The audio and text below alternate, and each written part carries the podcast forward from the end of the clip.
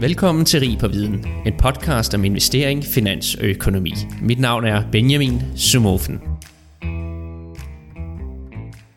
Monetary policy is a hot topic, and today I have the pleasure of interviewing Fabrice Tour, who is an assistant at the department at finance at Copenhagen Business School. Welcome, Fabrice, and thank you for coming. Well, thanks very much, Benjamin, for uh, inviting me to this uh, podcast. And first, would you please give a brief introduction about yourself? Sure. Um, well, first one, um, I am a French.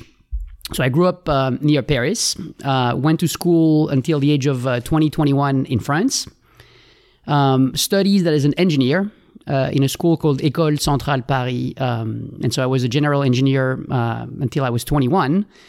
Moved to the US uh, to study operations research at Stanford. Um, and then after my degree at Stanford, um, I started working for Goldman Sachs in New York, and I spent about 10 years uh, working for, for Goldman, uh, seven years in New York City, and uh, three years in London. Uh, my role at Goldman Sachs varied. Uh, I started uh, in structured credit, structuring a variety of collateralized debt obligations. eventually moved into mortgage products, so traded a variety of structured mortgage products. Uh, and eventually, towards the end of my uh, uh, stay at Goldman, uh, I was involved in uh, funding products. So I I was involved in, unfortunately, in a painful litigation with the SEC, which effectively prompted me to leave Goldman and eventually the, the financial industry at the end of 2010 and 2011. And so I started in 2011 a PhD at the University of Chicago. Um, spent uh, seven years uh, to finish up my PhD in 2017. Uh, 2018, spent a year at Northwestern University uh, to um, to be a postdoc researcher. And then since uh, September uh, 2018, I am an assistant professor at the finance department at Copenhagen Business School. So, and now you're you're starting to research monetary policy and also the mortgage market. And why do you think that monetary policy is an interesting field to research? Well, um, first, monetary policy is one of the two uh, key tools that uh, uh, policymakers, um, you know, have available to steer the economy. Right, the other tool being fiscal policy, um, and so it's a really important tool to understand. Um, um and um, the one thing that's kind of fascinating about monetary policy is that there is uh, many different uh, potential transmission mechanisms from monetary policy to the real economy. Okay, and a lot of these mechanisms have been studied by researchers in, uh, in economics, but it, there's still a lot of things that we don't quite understand about how, uh, when the monetary policy changes uh, its uh, its policy rate, uh, how this influences uh, consumers' behavior, how this influences firms' behavior, uh, how this influences banks. Um, so there's still a lot of things to discover uh, in that area. The um, the other thing that's fascinating about monetary policy is uh, issues related to what I call the plumbing of monetary policy, or what I call, uh, in, in, in other words, implementation aspects of monetary policy. The fact, for example, in the US, that we have had a very different uh, way to implement monetary policy before the financial crisis of 2008 and after. And we, we, we went from what we call a corridor system to, um, to an ample reserve system. Um, there are like aspects of monetary policy that are tightly linked to banking regulations.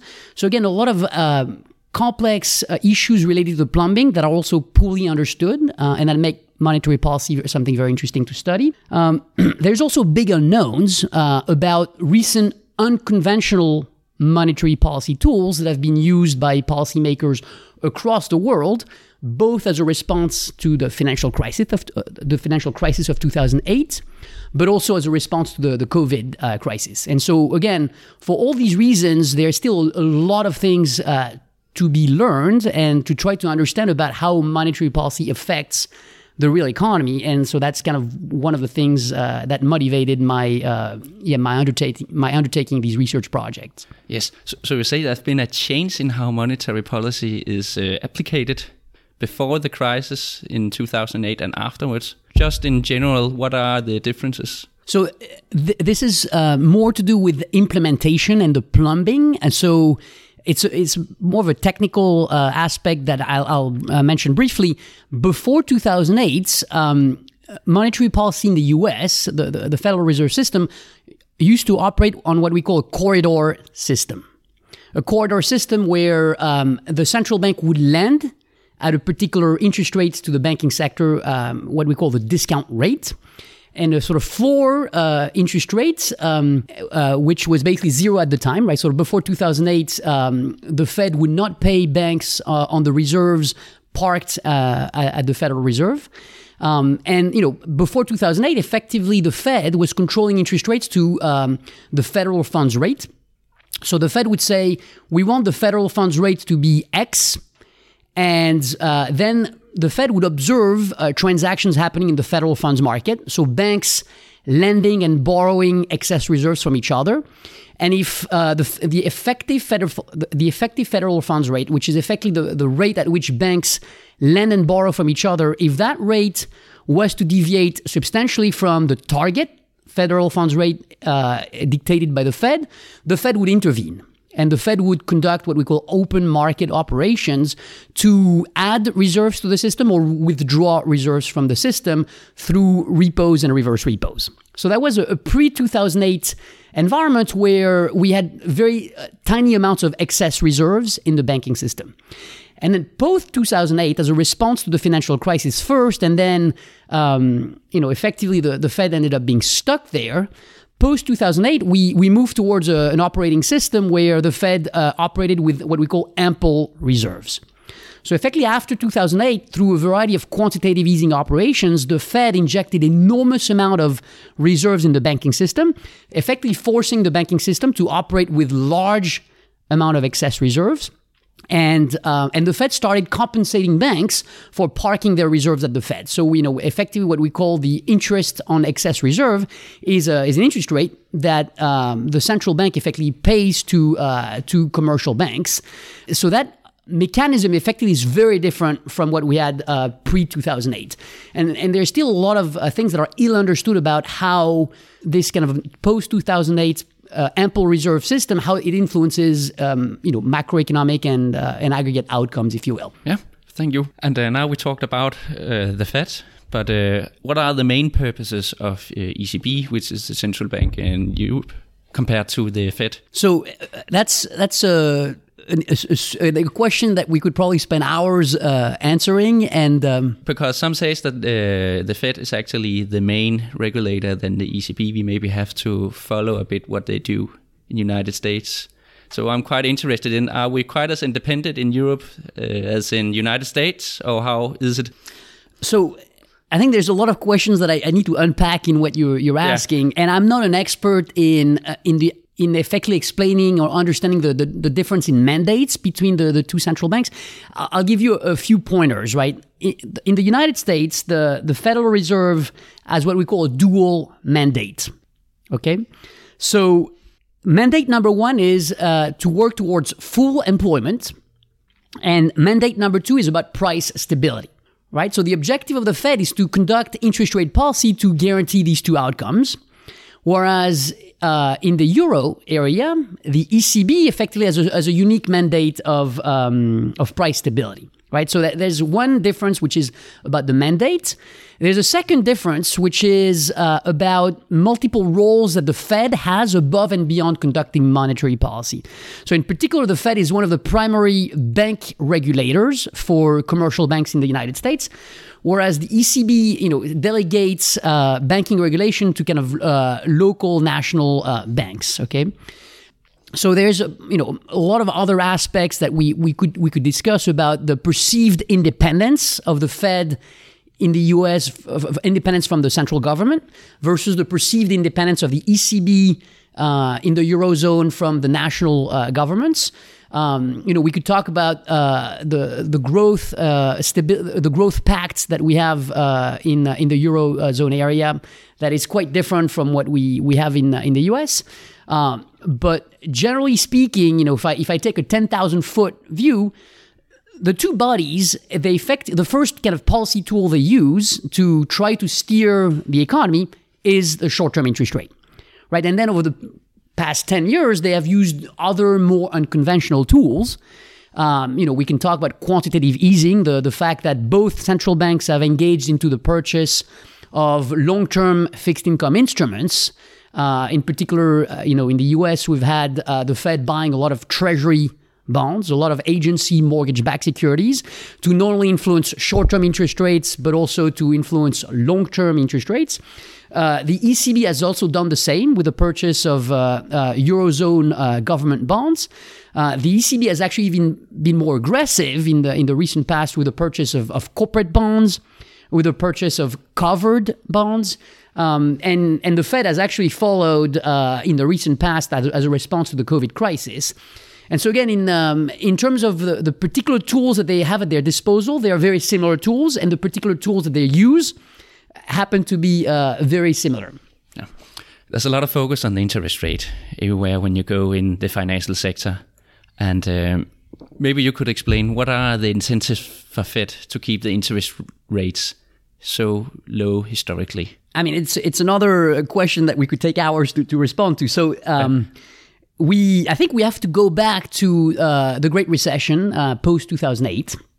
And um, we entered that uh, recession at relatively high level of short-term interest rates, right? In the U.S., I think you know the uh, short-term interest rates were between four and and five and a half percent. Uh, you know, a, a, a, few months before uh, the financial crisis, and so the Fed was very aggressive at uh, you know, pushing down short-term interest rates and the Fed funds rate to you know try to stimulate uh, the economy, to try to sort of stimulate employment, and to also help uh, the banking system.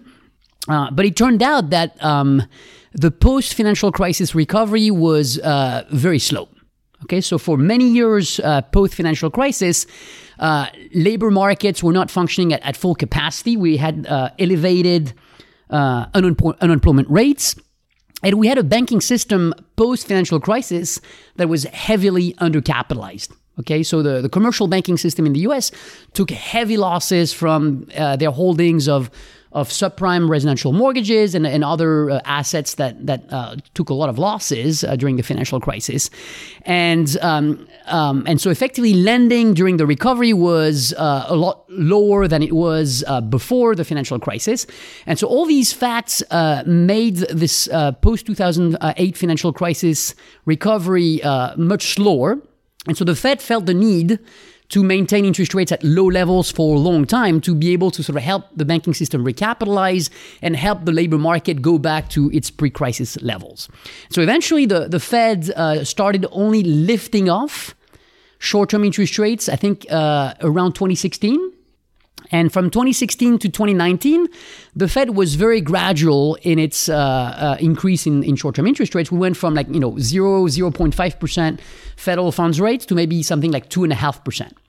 And even uh, you know, looking at short-term interest rates is not really sufficient. You have to also think about all the actions that the Fed took above and beyond short-term interest rates. So we, we talked about quantitative easing. You know, again, the Fed between 2008 and 2012 increased an enormous amount its balance sheet. And the way it did it is by injecting reserves in the banking system and uh, uh, using those reserves to purchase, you know, um, treasury bonds and agency mortgage-backed securities. Well, it turns out that um, this portfolio of treasuries and agency mortgage-backed securities effectively stayed at, at uh, elevated uh, levels even as the Fed was gradually lifting off uh, short-term interest rates. And so, fast forward to 2020 we entered the, the COVID recession with short term interest rates that were slightly above 2%, uh, but with a Fed that had an enormous balance sheet left from its intervention after the financial crisis. You know, the Fed entered the, the COVID crisis with maybe like $4 trillion worth of uh, assets on its balance sheet. And, you know, as of today, I think if you look at the balance sheet of the Fed, we're now $7 trillion and counting. Um, so I think that's kind of giving uh, some perspective as to why we've seen short-term interest rates so low uh, for the, the past decade, effectively. Yeah. So we will soon start uh, scratching into your paper. But uh, before we do that, I have a last question, and it's also something that you mentioned in your research paper. And you say that monetary policy is out of uh, ammunition. And uh, as I understand it, the thing is that monetary policy is quite effective in the moment you decrease the interest rates. So you have to look where the movement. But now, when the interest rates are historically low, then we're maybe out of ammunition. So, do you think that we are out of it? so it's a, it's a ten thousand dollar question. So you know we when we write research papers, we, we love to have punchlines to to make the, Yeah. the paper interesting to to, to I'm readers. An, I'm an interviewer, so I grab these punchline. So uh, I think the when it comes to uh, the policy instrument, which is the short-term interest rate, it's true that when we move the short-term interest rate or the policy rate at zero, there's we tend to think that there's not a huge amount of uh, space to maneuver beyond zero. You know, if you think, for example, of of the U.S., you know, there's always this fear that if you move uh, short-term interest rates below zero, uh, you know, this is effectively uh, the rates that the central bank pays to commercial banks on, on their reserves. Well, if you basically pay uh, commercial banks minus 1 on their reserves, commercial banks you know will at some point have to reflect this onto uh, the liability side of their balance sheet which is deposits right? And so we, we always have this fear that as central as commercial banks start to price their deposit at negative rates we always have this fear that we'll start we're going to start seeing consumers and households rushing at the ATM to withdraw their their deposits from the banking system. So we always have this fear that at zero, we, we can't really push interest rate uh, too far below zero for the you know because of, of this kind of a concern around banking stability and the fact that we may see customers rushing uh, to to take out currency uh, from from from their deposit accounts. Now, does that mean that we have zero tools available? Clearly, uh, you know, post financial crisis and, and during the COVID crisis, we saw that there were other tools still available. You know, in particular, again, going back to quantitative easing, we saw uh, central banks, both uh, the Fed and the ECB, buying large amounts of, of treasury bonds, large amounts of government uh, bonds in the in the eurozone area, and so this has an, has an impact to decrease long-term interest rates. Okay, and so for long-term interest rates, we, we tend to think that uh, there is a transmission mechanism from long-term interest rates to uh, maybe mortgage rates for households who borrow to purchase a house, um, to um, uh, corporate bond uh, yields. You know, firms that finance themselves issuing fixed-rate uh, long-term bonds, right? And so we tend to think that there's still some stimulative aspects, stimulative effects from long-term interest rates uh, being brought uh, down. Now, we are in an environment where, if you, depending on which country you look at, long-term interest rates are at zero or below zero. Right. If you look at Germany uh, and the German bonds you know the the ten-year Bund trades uh, very near zero interest rates. In Denmark, we have long-term government bonds that are trading near zero as well. And so we tend to think that there's not a huge amount more left for monetary authorities to stimulate the economy, which is why you know you hear policymakers you know think about or, or speak about you know f- the fiscal authorities being now more responsible for steering the economy because you know monetary policies have not a lot of bullets left. Now in the U.S. we're not there yet, right? We are at zero short-term interest rates but long-term interest rates are still above zero and so there is still room to, to maneuver when it comes to long-term interest rates but that room you know is a lot smaller than that it was uh, a few years ago so you would say that at the short term we are closely out of ammunition, but in the long term there's still some bullets left. i think that's that's a fair If we just hold it on a general level, we can have a whole podcast just about this. I know. Uh, we- could have a whole podcast about this. Yeah, I mean, it's you know, we'll uh, as we progress, we'll talk more about the the mortgage market. Um, you know, I- there's going to be an interesting question as to uh, how far down can mortgage rates go. Uh, if you look in the U.S., I think you know if you borrow uh, using a 30-year fixed rate prepayable mortgage contract, you know you you can borrow today at maybe three, three and a half percent. You know, it's not zero you know, if you if you look at Denmark, I, I believe the, the same rate is probably very near zero. Um, so you know, there's a real question in Denmark as to really what is what else is there for to stimulate, like, let's say, the housing market, for example.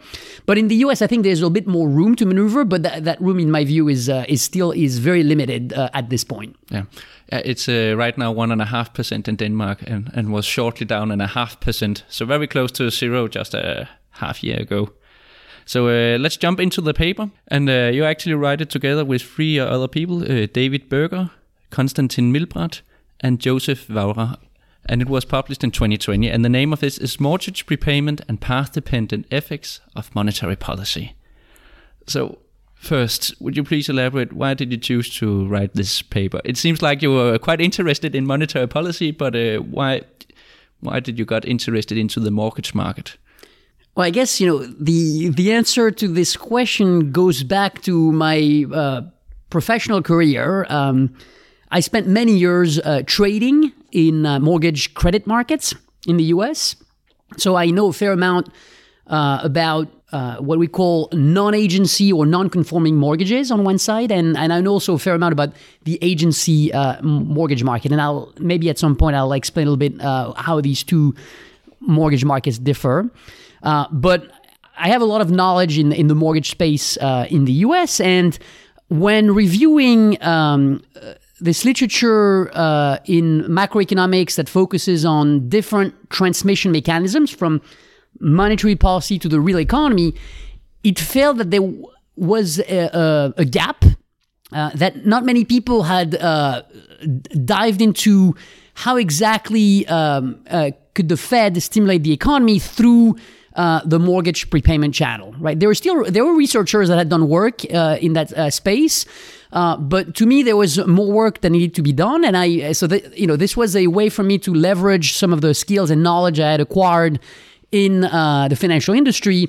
Uh, and to sort of merge this knowledge with, uh, you know, the, my newly acquired expertise in uh, in monetary policy uh, at, the University of Chicago, uh, yeah, to write a paper ex- trying to explain how um, the transmission mechanism from short-term interest rates to mortgage prepayments and and households consumption depend on on a variety of things. They don't necessarily depend on only the level of interest rates, but also depends on on a particular cross-sectional distribution that you know we'll, we'll be talking about uh, in, a, in a second. But in some sense, the, the um, household heterogeneity and uh, where uh, uh, is the interest rate on which households have locked in their mortgage rates tends to be really important to understand whether the Fed or whether the central bank, if you will, has tools to uh, stimulate the economy via the mortgage prepayment channel.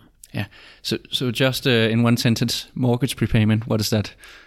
That's great. Uh, great question. I think it's important to clarify uh, a few key concepts. So, mortgage markets across the world differ in terms of the contractual structure of mortgage payments, and there's two countries that end up being very similar in terms of uh, of their contractual structure. It turns out the United States and Denmark have very similar mortgage features. In particular, the, the more the most prevalent mortgage in the United States is the 30-year fixed rate prepayable mortgage. Okay, so it's a contract that allows you to borrow a certain amount of money today, and uh, you you borrow for 30 years. Every month, you're going to make the same monthly payment. Okay, and the present value of these monthly payments is equal to the amount of money you borrowed today, and so this present value is computed at a certain interest rate let's say 3.5%. Um, and this contract allows you to refinance at almost no cost whenever you want. Right? So what happens is if interest rates go, if mortgage rates go below 3.5%, let's say they go to 2%, effectively you can go back to a mortgage lender and renegotiate and refinance your mortgage at a lower interest rate. Again, these are fixed payments you make for 30 years. Uh, but you know, you, you have this free option that uh, you get when uh, when you transact a, a, fixed rate prepayable mortgage. Now, when I say uh, you can refinance for free, implicitly the way you pay for this option is by uh, effectively paying higher interest rates than if you were borrowing without this option to refinance. Okay, but the what we call mortgage prepayment is this uh, is this phenomenon where you locked in a particular interest rate 3.5% for 30 years and then mortgage rates fall to 2% and then you know you decide it's a good time for me to go uh, do the paperwork refinance with a particular uh, mortgage originator and reduce your monthly payment and uh, that contractual feature what's important about it is that it's almost unique to these two countries, the US and Denmark, which share this uh, unique feature. If you go to other countries, if you go, for example, to the United Kingdom, um, uh, long term fixed rate prepayable mortgage contracts are not easily available. Most of the contracts, for example, in the UK are fixed rate for a few years, maybe three years or five years, but then they are floating or adjustable rate mortgages. Okay, in many countries, actually, you know, the mortgage market relies on adjustable rate mortgages, you know, and so that that's really uh, a, striking difference, and with different monetary policy implications that we could think about later. Uh, but to, to uh, you know, that's in a, in a nutshell what we mean by mortgage prepayments. Okay, thank you. And uh, let's jump into the paper. Would you please give a brief introduction about the paper and its main findings? I think I could summarize its main finding with a very simple idea. The transmission mechanism from short term interest rates by the central bank to the real economy happens through many uh, channels, but one is mortgage prepayments, fixed rate mortgage prepayments. If you think about it, if the central bank wants to stimulate the economy, it's going to say, I am going to decrease short term interest rate from 5% to 4%. Now, when the central bank does that, it influences long term interest rate. So there's a pass through from short term interest rates to long term interest rate. When the central bank uh, affects long term interest rates, it affects mortgage rates. And when it affects mortgage rates, it allows households to effectively prepay, refinance, and effectively reduce the contractual mortgage payments that they originally uh, agreed to pay. And that channel effectively allows um, uh, these households to free up um, uh, disposable income and increase their spending. So there is clearly a stimulative channel from short term interest rates to consumption that goes through fixed rate prepayable mortgages. And in a nutshell, what our paper says is that to understand how powerful this channel is, it's not sufficient to understand where is the level of short term interest rates today. It's also important to understand uh, what the cross sectional distribution of, of mortgage coupons in other words, what I call mortgage coupons is is the contractual rates that have that households have agreed upon uh, with their mortgage lenders. It's so it's also important to understand uh, what the cross sectional distribution of mortgage uh, coupons that households have looks like. Let me give you an example. Uh, imagine that um, the Fed, uh, you know, through its actions, decreases mortgage rates from five percent to four percent. Okay, if all households have a fixed rate mortgage at five percent below Fed's action. You know, this change in mortgage rates, you know, from five to four will prompt all these households to uh, renegotiate, refinance, and potentially, uh, you know, free up disposable income to increase spending. That's clearly stimulative. Now imagine the same Fed actions, you know, from five to four percent mortgage rates, but imagine now that households have already locked in uh, mortgage rates at three percent. Right. Of course, the fact that mortgage rates go from five to four, the household that has a 3% uh, coupon is not going to do anything. So, the key message of our paper is effectively that to understand the stimulative effects of monetary policy through mortgage prepayments, it's not sufficient to think about the current level of interest rates. It's also important to understand what is the interest rate that uh, households locked in on their mortgage, uh, fixed rate mortgage contracts.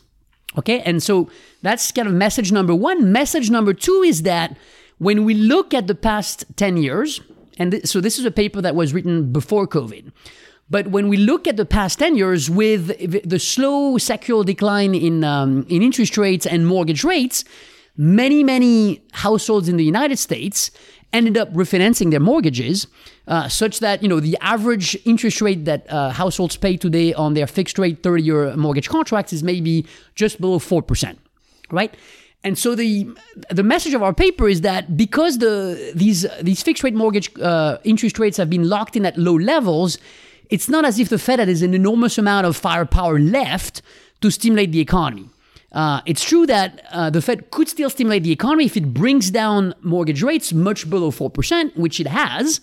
Uh, but, you know, the, one of the messages of our paper is that the secular decline made the, the Fed a bit less uh, potent, at least through this particular channel of transmission, than, uh, than you know, 10, 15 years ago. Okay? Uh, and the kind of the last kind of message that we also wanted to communicate is this idea that w- when the Fed is trying to reload its ammunition, if you will, um, you know, by for example increasing interest rates, it takes a lot of time for this ammunition via fixed rate mortgage contract to be reloaded. And the reason for that is is very simple. You know, if the Fed goes back and moves interest rate to 5 6%, you know, and mortgage rates rise, households are still left with these low fixed rate mortgage contracts. So the only reason why new households would lock in a higher rate would be, you know, potentially, you know, younger people buying a house and getting a new mortgage. So they would have to lock in uh, at a higher interest rate. And existing people um, uh, having to move from one place to another. You know, in the United States, when you move, you have to refinance. And so, you know, by having people moving, you they have to lock in a higher rates. But that takes a lot longer time to build uh, a stock of households with higher mortgage rates uh, than it takes when the Fed has higher rates and bring down those rates. When the Fed has, you know, uh, when the when the when mortgage interest rates are high and those mortgage rates fall, it's very quick for uh, for uh, mortgage borrowers to realize that mortgage rates have declined and uh, and end up refinancing, right? So on average, you know, you you end up on a, per, per year with 30% of households ending up refinancing when they have the opportunity to do so and when it's uh, in the money, if you will, for them to do so. Yes, so you study in your research about a, a positive and a negative rate gap. What is this? So it's it's a great kind of uh, uh, step uh, into the paper because what we call the rate gap um, is something that financial industry people call uh, maybe the rate incentive. It's it's a number that's basically calculated as the difference between the contractual coupon or the contractual interest rate that you locked in for your mortgage and today's prevalent current mortgage market rate. So this gap effectively gives you a sense of whether your option to refinance is in the money or out of the money right? Because at the end of the day, there's very tiny costs to, to refinance your mortgage. And so effectively, if you know, if you're paying three and a half percent on your mortgage today, but if the market rate is two and a half, you know, you're in the money by one percent. And so, you know, the, you know, basic kind of a decision uh, theory would say you're better off going to a mortgage lender and ask to refinance your mortgage into a two and a half percent interest rate mortgage. Now, for a variety of reasons that have to do with uh, behavioral reasons that have to do with you know some uh, non-pecuniary costs that households face. Not everybody immediately goes and refinance, but uh, this rate gap is an important kind of number to uh, keep in mind when we want to think about what's the probability. Uh, between today and next month, uh, that the household goes and refinance its mortgage. When that rate gap is negative, it's unlikely that a household is going to go and refinance its mortgage. The only potential reason why the, such household would do this is if the household was to move, you know, for professional reasons, if the household had to move because there's a divorce uh, or death in the family, um, you know, this would be one, you know, situation where conditional on a negative rate gap, a household might, you know, be led to refinance its mortgage. With a positive rate gap, you know, of course, households will do this for purely for you know reducing their uh, uh, interest expense on their mortgage, and again to free up disposable income. Yeah. So if we should stick to the old me- metaphor, it's actually the how much ammunition we got left, the the rate gap. absolutely. So if you think about the rate gap, understanding kind of the, the the distribution in the economy of this rate gap helps us a lot think about the how much more households could refinance if you bring down mortgage interest rates. Yeah. And so that that uh, distribution and uh, and some of the statistics uh, of this distribution are are helpful tools for policymakers to think about how much ammunition you know the, the, the, Fed has when it comes to this particular channel of transmission of monetary policy. Again, I think it's uh, it's something I, I want to go back to which, uh, in the paper, which is we're not saying this prepayment channel is the only transmission mechanism. There is a million other transmission mechanisms that, are that have been documented as effective. But at least that transmission mechanism, which is relatively easy to understand, we think is a lot uh, less powerful in a situation where the rate gap is negative for many people. And today uh, in the United States, and today I suspect in Denmark, although I haven't looked precisely at the numbers in Denmark, but in both countries, you know, the, the, the, number of people who have a negative rate gap is uh, is relatively large. You know, making very few people refinancing for rate related reasons. Yeah. So uh, just to be clear, your study that's in the United States, but uh, the findings are comparable to the Danish mortgage markets because we're such similar. But if we look at the distribution, as you mentioned, in the rate gap, how has it changed over time? Has it always been uh, positive and start getting negative, or? So it's it's a great question. So I think the the way to think about this distribution is um, is that this distribution is very very related to the time series of mortgage rates. Okay, and so if you look in the United States at the last 30 years, if you start from the 1990s, early 1990s to today, we've had a secular decline of um, of market interest rates for fixed rate prepayable mortgage contracts. So we went we started the early 1990s with mortgage rates that were you know between 8 and 10 percent.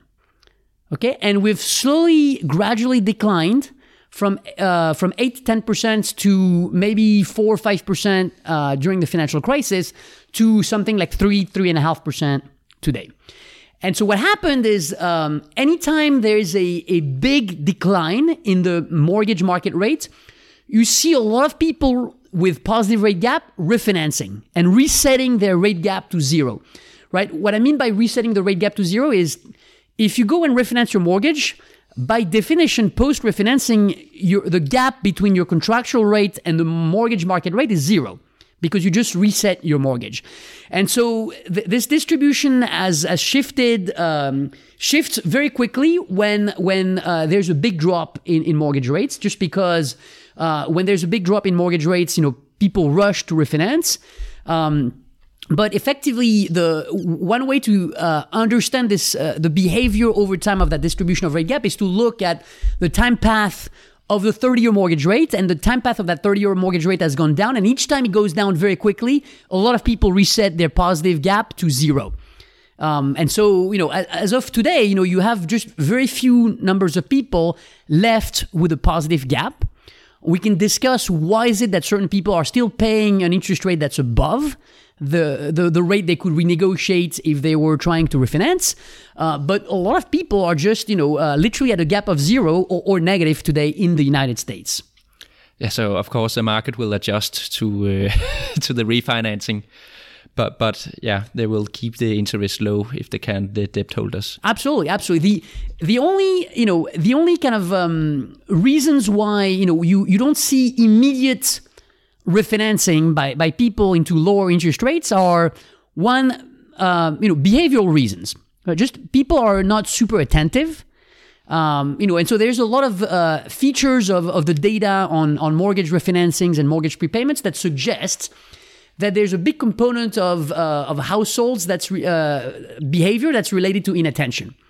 Um, that's number one. And number two, there's also some type of frictions that prevent certain households to refinance even if they uh, if this was in the money for them to do so. So, for example, uh, in the United States, there are some institutional features that prevent households to refinance when their loan to value ratio is is too high.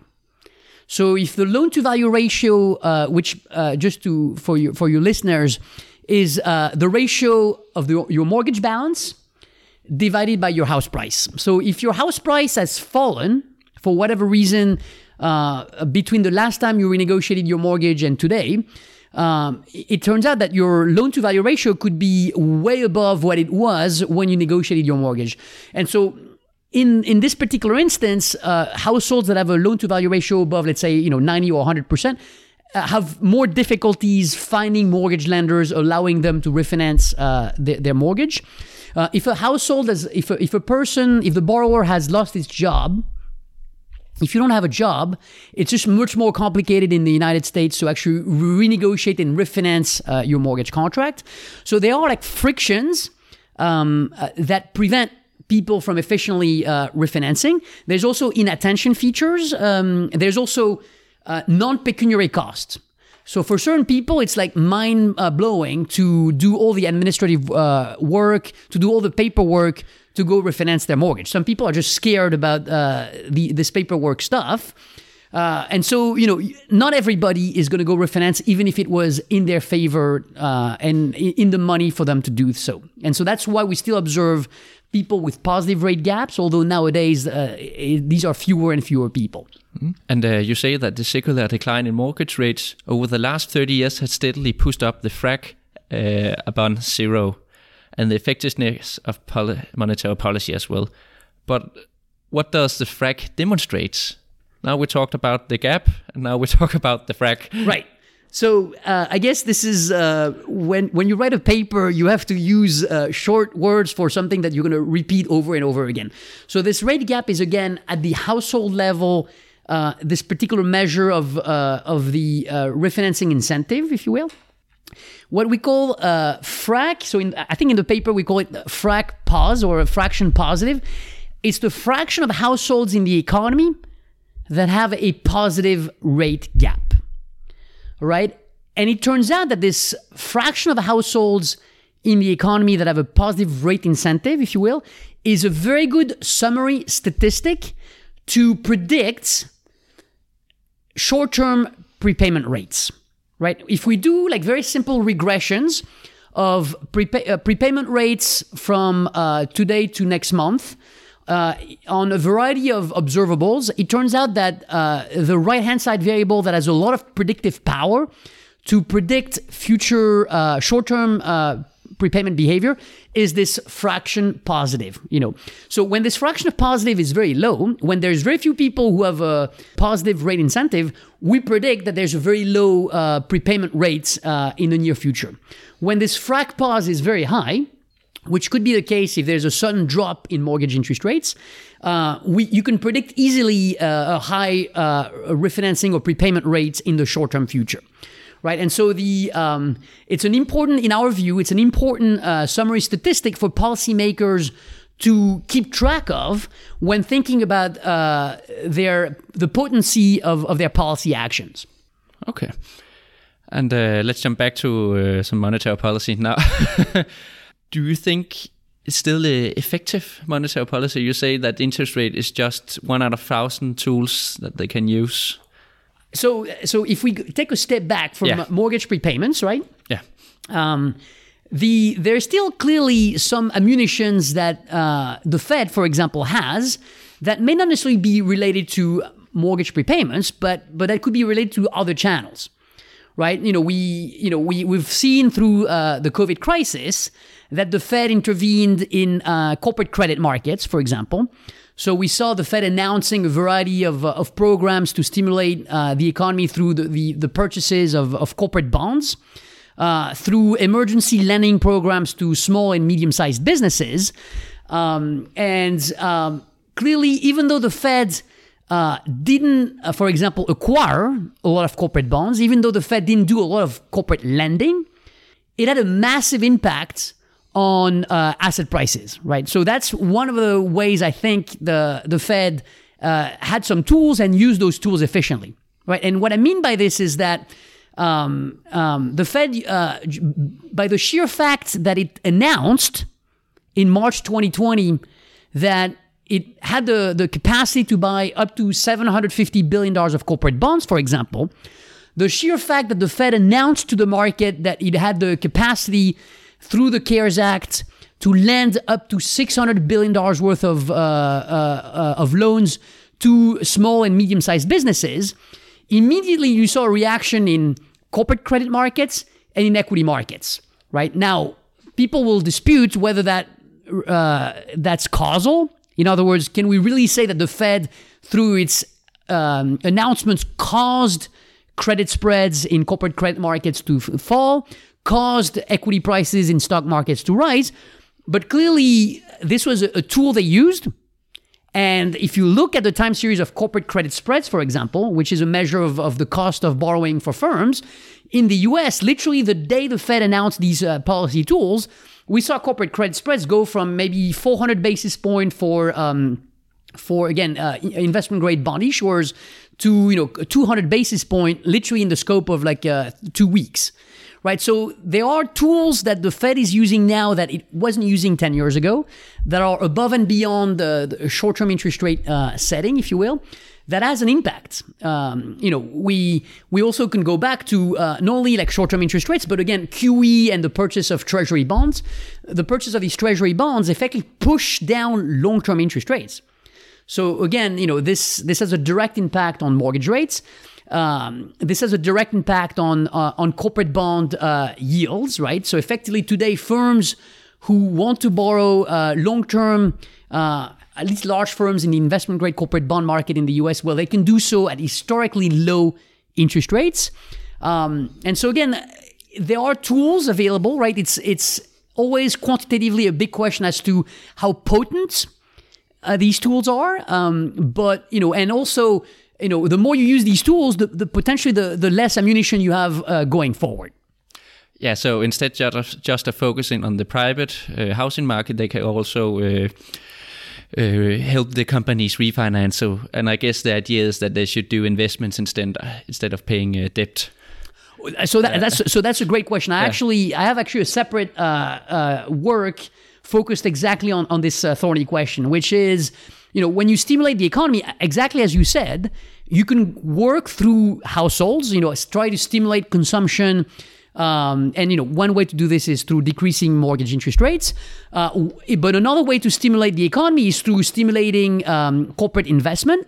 Um, preventing firms from you know uh, filing for bankruptcy because you know we tend to think that when firms blow up and and go bankrupt there's a lot of uh, what we call deadweight losses and liquidations that are kind of very inefficient. Um, and so definitely through the corporate sector there is uh, ways for uh, monetary policy to have some effectiveness.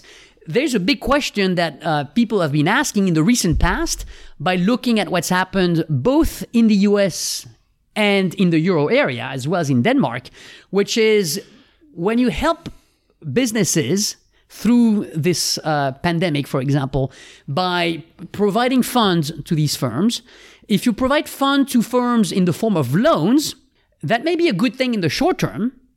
You know, you are saving a lot of firms from filing for bankruptcy. You are saving a lot of employment and employment relationships between employers and employees. But in the long run, this might be costly because you're saddling firms with more debt. And then during the recovery, you're always asking the question if the if firms have a lot of debt on their balance sheet, does it not depress investment in the long run, right? So there is like thorny questions as to maybe in the short run you stimulate you uh, the economy, you're saving a lot of uh, businesses, you're saving a lot of employment relationships, but you know by saddling businesses with a lot of debt, that might be a, a bad thing in the long run. I tend to think that uh, the short the short term positive effects are uh, much larger than the long term kind of uh, costs of uh, debt overhang, which is the economics uh, term that uh, macroeconomics use to explain the fact that firms with lots of debts tend to invest less than firms with less debt, if you will. but these are kind of thorny trade-offs that central banks, you know, should be thinking about uh, when they engage in, in this sort of uh, unconventional uh, policy actions. But what about firms? Are the debt more short term? Uh, the reason why I'm asking is that maybe is the effect the same? This lock-in effect that they will lock into lower interest rates and keep it for 30 years, or are they more short-termed? Okay, so that, that's a great question. So um, to clarify, the the prepayment channel that I document in uh, in my paper is very much relevant for households and for households who lock in fixed rate prepayable mortgage contracts. Now, when it comes to firms, firms typically are of two kinds. At least in the United States, you have large firms that have access to the corporate bond market. These large firms that have access to the corporate bond markets, they tend to issue fixed rate bonds, usually 10 year, sometimes longer, uh, but they're non prepayable. Okay. And so and when they are prepayable, or like in in the in corporate credit markets, we call that callable bonds.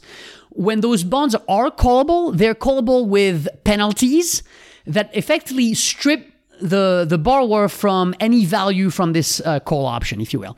And so um, so that's kind of for large firms. You know, they, they you should think about large firms as as borrowing with bullet uh, contracts. So you know they they borrow a dollar today, they pay some interest, and after 10 years they repay, but they don't really have an option to refinance the same way mortgage borrowers have an option to refinance and, and take advantage of lower interest rates. Uh, and then you have smaller firms. And smaller firms, they don't have access to the corporate bond market. They have access to the bank debt market, so bank loans, and typically bank loans are f- adjustable or floating rate loans.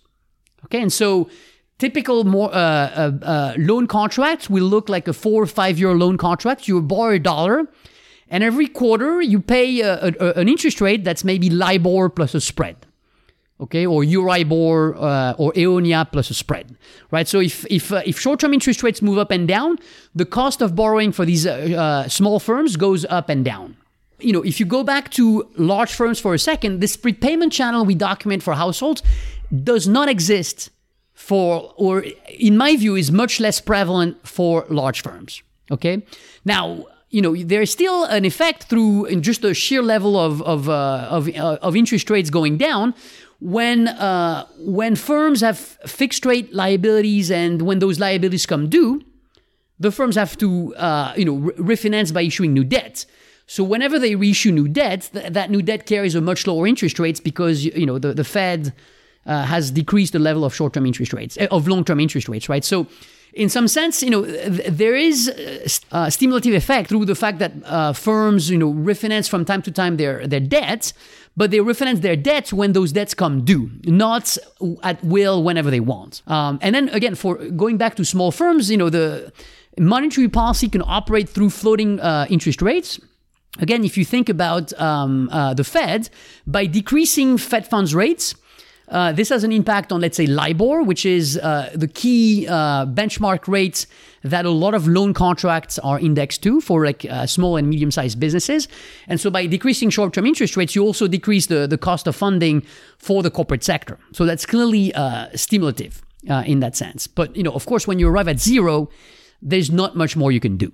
Yeah, and uh, Europe is known for that we that companies they refinance their debt through banks, while in the United States they do it through uh, corporate bond markets. So would would you say that uh, who has the strongest tool here? Is it ECB or the Fed? That, that that's a that's a great uh, question. I mean, it's a question I haven't uh, fully thought through. To my my my gut feel, without having thought a long time about this, is if you look at the current market environment in the euro area, short term interest rates are basically zero. I mean, they're, they're negative, like the policy rate of the ECB is negative today. Long term interest rates in the euro area uh, it depends on which particular long term instrument you look at. But if you look at the German Bund, if you look at uh, French government bonds, if you look at Italian government bonds, they all trade at yields close to zero. If you look at the ECB's balance sheets, it has expanded enormously, right? The ECB has, uh, through, uh, as a response to the financial crisis, as a response to the sovereign debt crisis of 2011, 2012 in Europe, as a response to COVID, the ECB has been acquiring lots and lots of uh, government debt. The ECB has been acquiring uh, corporate bonds issued by large uh, corporate bond issuers in Europe. The ECB has been acquiring what we call covered bonds, which are bonds issued by banks collateralized by uh, uh, residential mortgages mostly. So the ECB's balance sheet is enormous, and its footprint in uh, in uh, long-term uh, credit markets is enormous. So I tend to think that just from looking at the current market environment, the ECB may have fewer tools at its disposal than the Fed, but it's not a panacea. In the end, at the end of the day, the Fed uh, has used a lot of uh, its tools uh, in the recent past through COVID. You know, there are like enormous questions related to um, um, the influence that the size of the Fed's balance sheet has on on uh, economic outcomes. There's an enormous question that's in the background that nobody has really uh, answered, which is what are the long run costs of this perceived Fed put. This idea that whenever things go bad, the central bank is going to step up and do something to save the market, right? There's clearly moral hazard issues that people should be thinking about. You know, how does it distort uh, economic behavior of firms? How does it distort the behavior of banks? How does it distort the households to know that whenever there's a problem, the Fed is always going to step up? Does it not lead to um, you know uh, risk built up in the system? Nobody has really kind of be able to sort of think through uh, these questions. Um, but the idea that um, the toolkit is infinite, uh, I think you know, doesn't take into account the fact that by using more and more tools and by using those bazookas, at some point this distorts behavior and this may actually trigger long run costs that we haven't fully comprehended or understood or studied yet. And uh, what bazooka? well, now we talk about some new weapons. that, that's. I mean, clearly, the uh, if you look at the at the uh, U.S. in particular, you know, we so we used to sort of discuss conventional monetary policy, right? Conventional monetary policy was just we direct short-term interest rates, and there are uh, implementation questions as to how do exactly we affect short-term interest rates, right? So this is about open market operations. This is about um, uh, the target versus effective Fed funds rate, etc. We started using unconventional monetary policy, you know, after the financial crisis or shortly after the financial crisis, we talked about quantitative easing, right? At that time, you know, when Bernanke started using quantitative easing in the United States, people started, you know, discussing the bazooka in the context of these interventions, right? When we uh, saw Mario Draghi in uh, the ECB talk about whatever, we'll do whatever it takes you know, as in response to uh, what was happening in government bond markets uh, in the eurozone area in 2011, 2012, we talked about Mario Draghi pulling off the bazooka. But each time there is a new crisis, there are new tools that come up. You know, with the Fed, you know, with COVID, um, we started, you know, uh, intervening in corporate credit markets right? Uh, with the purchase of corporate bonds by the Fed, with the extension of, of credit to the real economy through um, um, um, either the PPP or um, um, uh, what we call the Main Street lending program, which were like programs created by the, the CARES Act uh, in response to the COVID crisis. Uh, so this is literally uh, unconventional policy of a new kind. You know, when we think about intervening in in uh, in credit markets, um, we can think about this as a new bazooka. And this was very effective the first time it was used. The question is, you know, what are the long run costs of, of using a new bazooka each time there's a new crisis, right? You know, if you look at the Bank of Japan, it has for the past few years been acquiring a lot of uh, equities of uh, issued by Japanese companies, right? So we move into a world where um, you know uh, central bank interventions, uh, you know, take more and more uh, forms influence and potentially distort more and more markets without having a good comprehension of what these distortions mean for the behavior of, uh, of economic agents, households, and, and, corporations and banks. And I, and I think this is something that we need to be much more thoughtful about.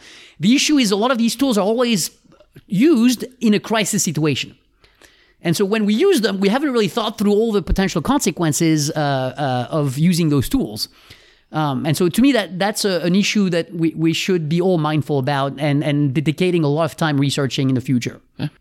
Thank you very much for your time, Fabrice. We're out of questions now and we're out of time, well, but it was really a pleasant to have you here. Benjamin, thank you very much for the invitation. It was a pleasure to, uh, to interact with you today. Tak for, at du lyttede med til Rig på Viden. Jeg håber, at du lærte noget, og hvis du nu synes godt om vores podcast, så kan du støtte os ved at følge den på Spotify eller skrive en anbefaling på iTunes. Inden på LinkedIn, der kan du følge André Thormand, Benjamin Somofen eller Henrik Fode Rasmussen. På genhør.